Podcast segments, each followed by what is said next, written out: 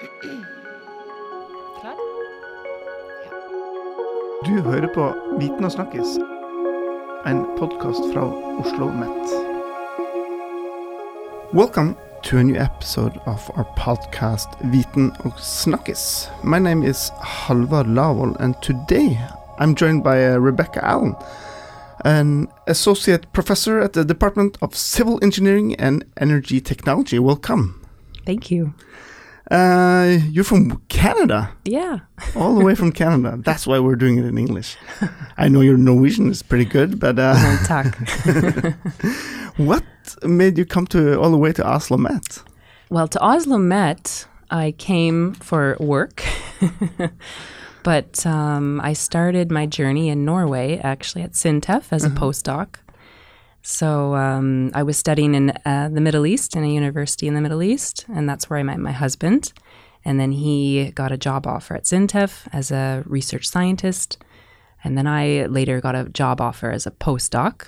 So I came and did a postdoc for a couple years and then uh, was searching for some uh, new job and got a vicariate position at, at Oslo Met and then have recently gotten an, associate professor position. And I'm very, very excited to start. Oh, great. Uh, and today we're going to talk about carbon storage. Uh, when did you get s- interested starting working with uh, with this topic? It was during my master's and PhD study. So I would say the the beginning of my interest was related to learning how we model fluid flow in porous media, media that's found under the ground. I thought that was interesting, but you don't just do that for any reason. There should be a reason why you're studying this topic.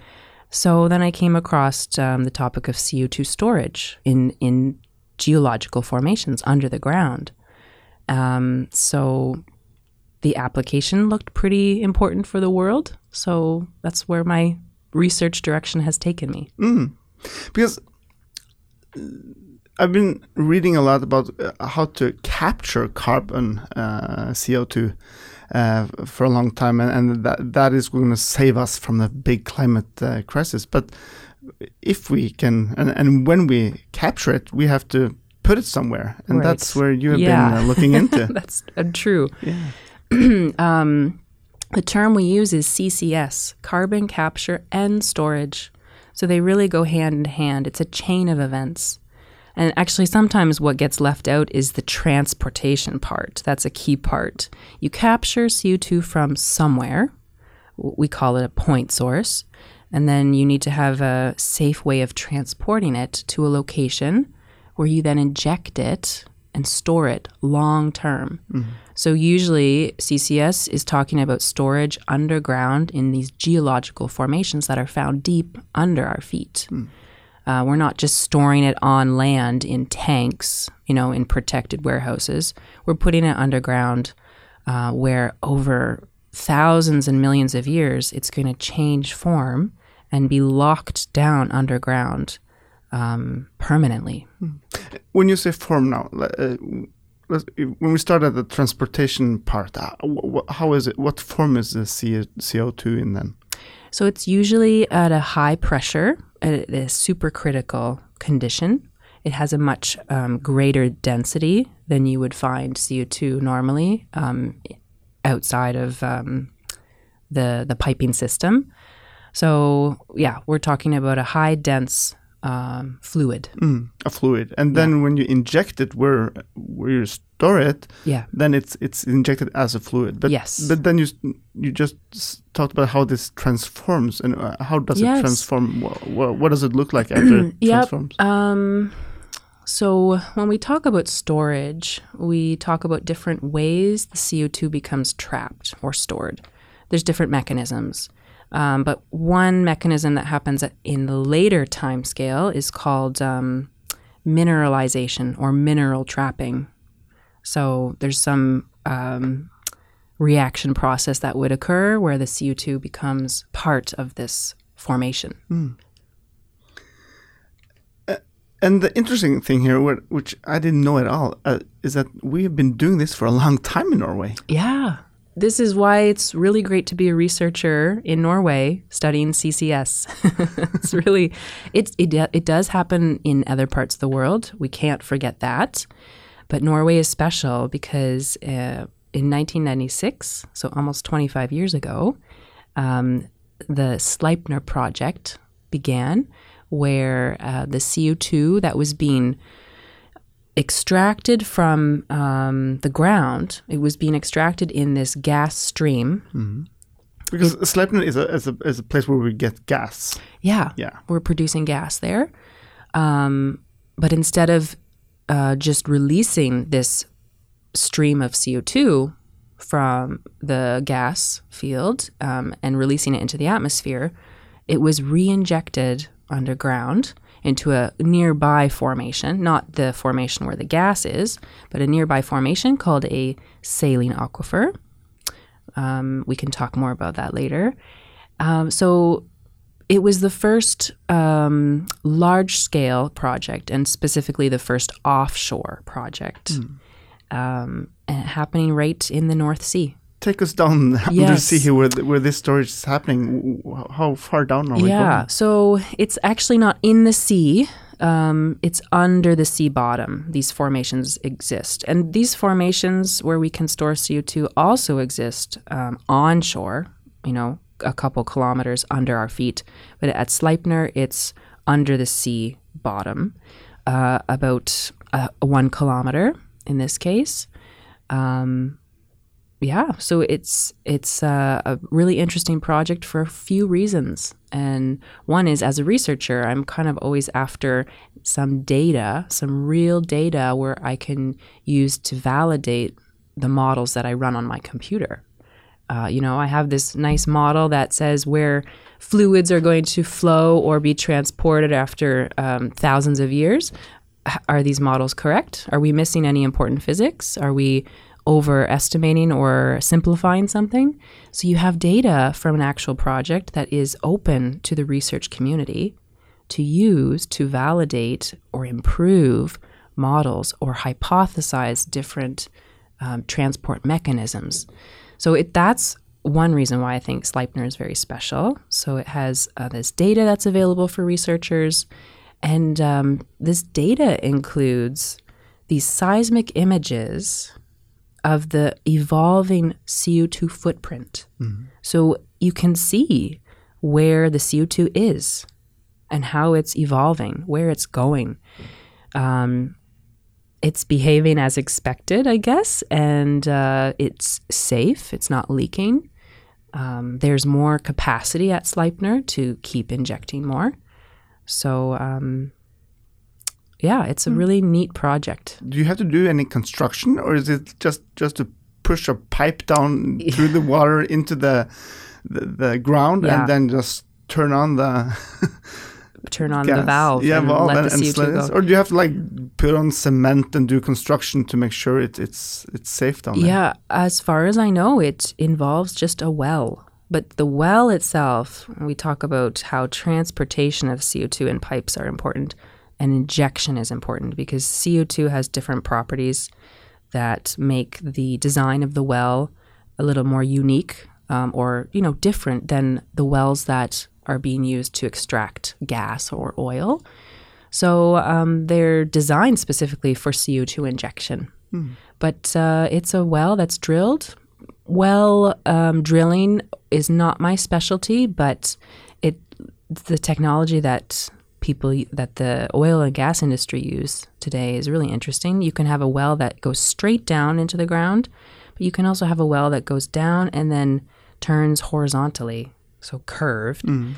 So um, and then there's not just one opening. It's not just one opening at the bottom, but there can be several of these openings. They're mm. called perforations in mm. the in the well. I see.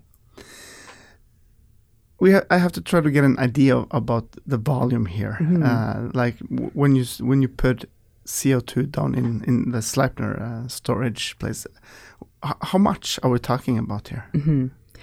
So Sleipner is injecting roughly 1 million tons of CO2 per year. One million. 1 million tons. What does that number mean, right?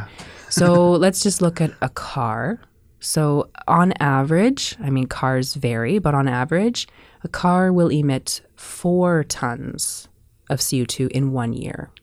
Okay. Okay, so we're looking at we're injecting 1 million tons of CO2 per year at Sleipner. That's like the emissions from about a quarter of a million cars uh, in one year. Um, now, I'll just mention what is the capacity at Sleipner? We're injecting 1 million tons per year, but the capacity has been reported up to 600 billion tons Oh wow. possible. Okay, that's a lot. Yeah. And Sleipner is not the only place where Yeah. we can store CO2. The s- researchers and scientists continually try to improve our estimates at how much the world can store. And I wish I could show you a map of the world and where they where, where we find these really good formations where CO2 can be stored. Uh, it's around the world. Um, but Norway is especially blessed in storage capacity all along its uh, continental shelf. So, so far, Norway has two injection projects and one more in the works.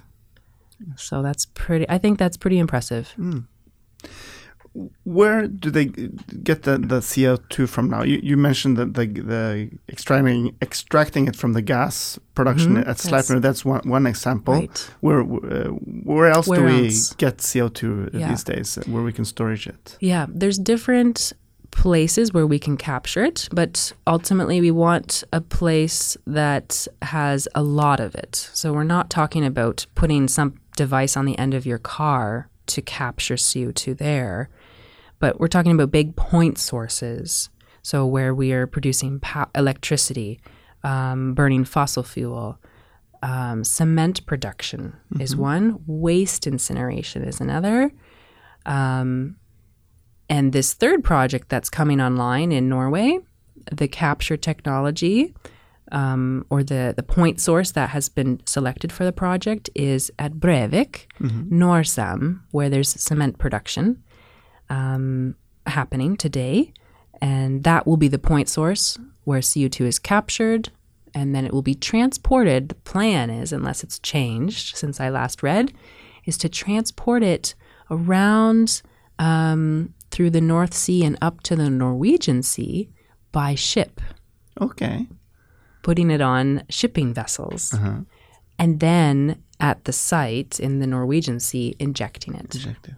So I think that is a really uh, interesting approach because it opens up the door for other countries to send their CO2 to Norway, where Norway has a lot of capacity, and these other countries might not have storage capacity in their formations, but they might have a lot of CO2 point sources. So now we're kind of talking about, although for sure this is going to be expensive, uh, a global approach to CCS, not just in, you know, inside of your own border, but cross country.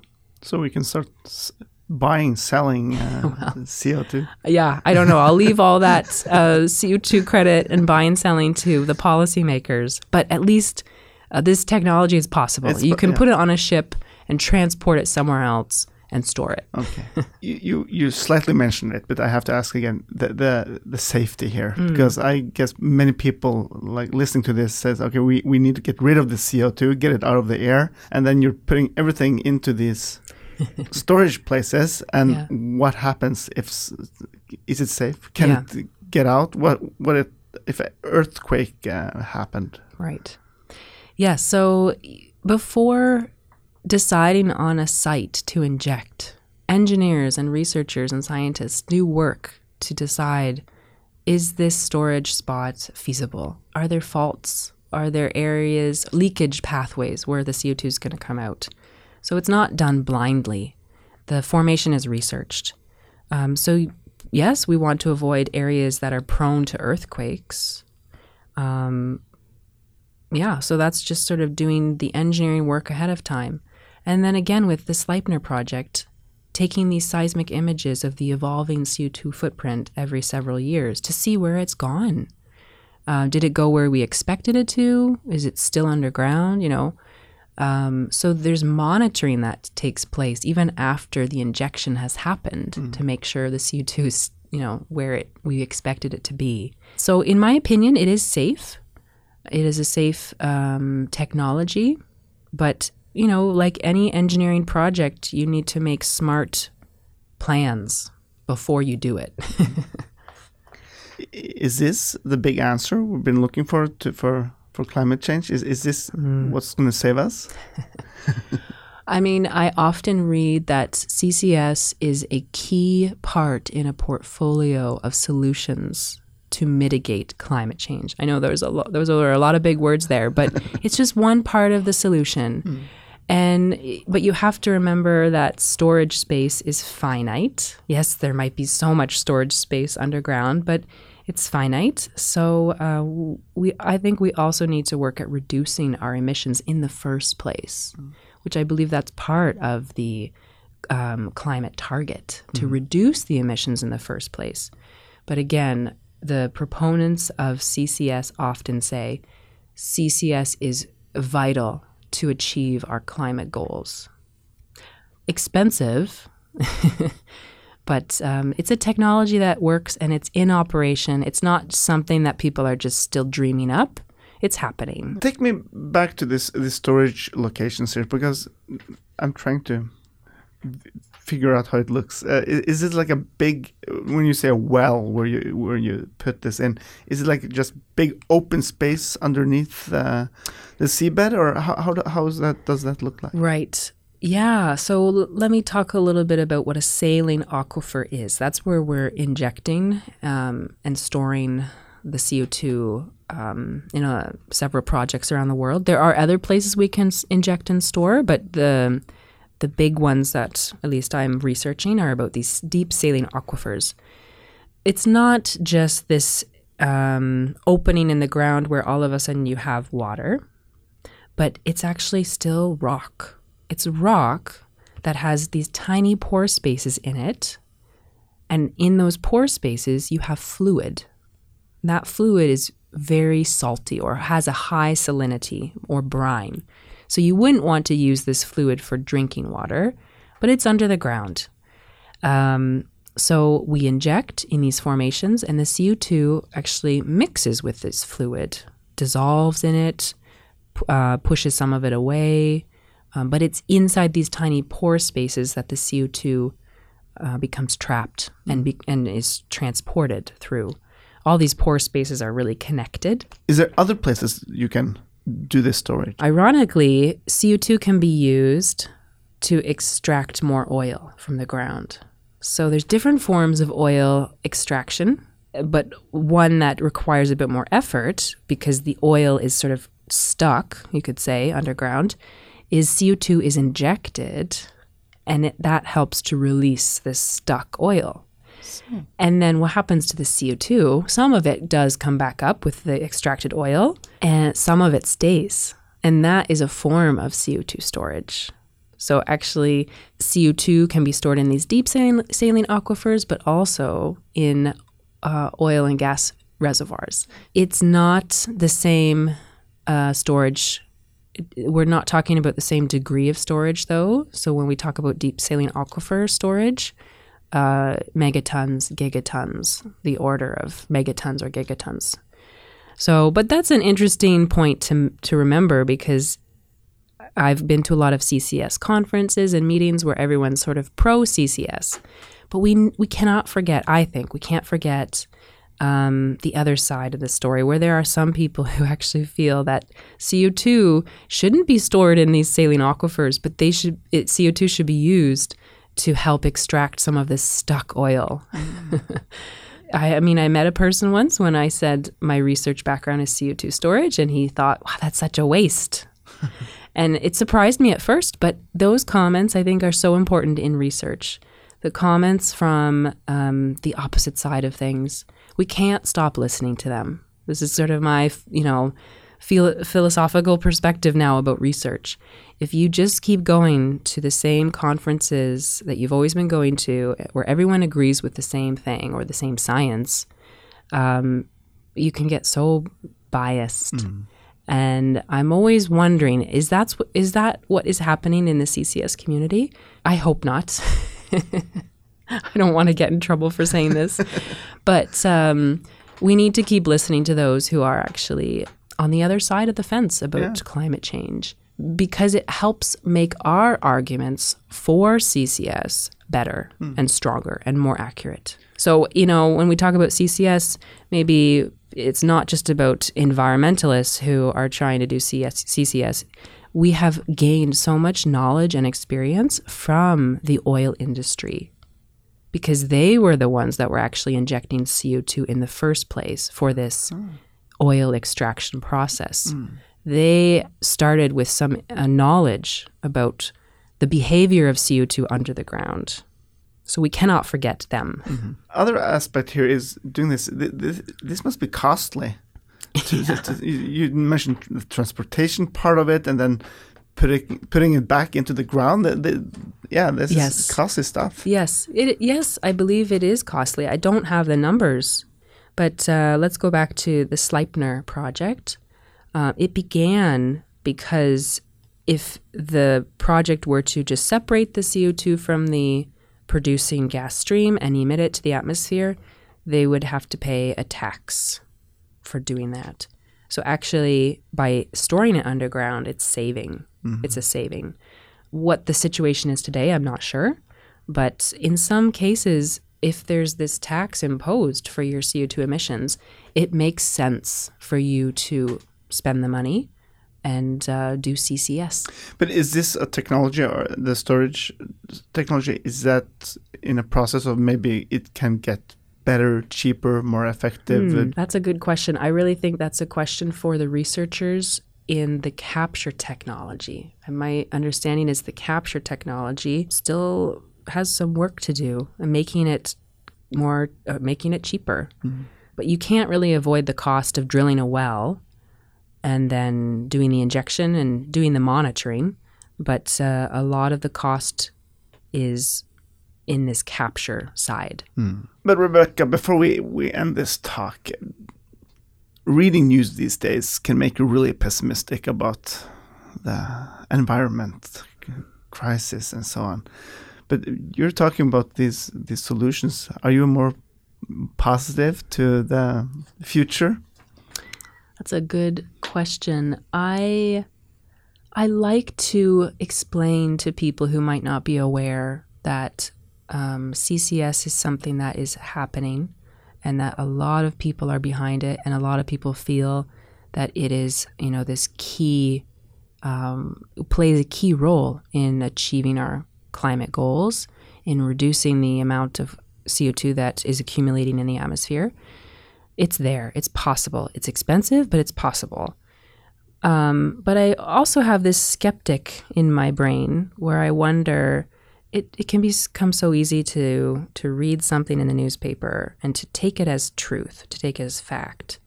And the truth is in in science, I mean, people disagree.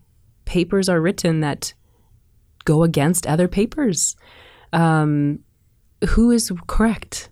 So um, I come back to this point um, it just makes sense to kind of clean up after yourself, right?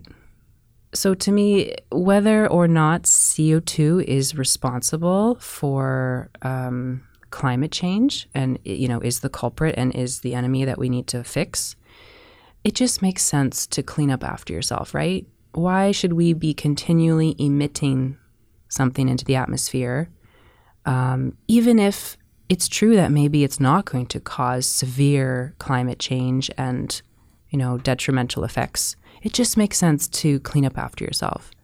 So even yeah, so I, I leave it at that. It's just it's a good thing to do. Even if it's okay that we're continually emitting CO2, it's just good. Rebecca, uh, thank you very much for coming here and explaining this. Uh, really interesting. Uh, yeah the topic. Um, in this uh, podcast, we will um, we'll link up to. Um, you wrote an op-ed for what is it a year ago or something mm -hmm. in, in Dagbladet, and uh, we'll link up to other relevant articles uh, yeah. regarding uh, uh, carbon storage. So if you listening are interested, please go to our website Viten and uh, find more information there. And we'll also link to Rebecca's profile on our webpage so you can get to know her better too. So uh, yeah, once again, thank you very much. You're welcome. Thanks for having me.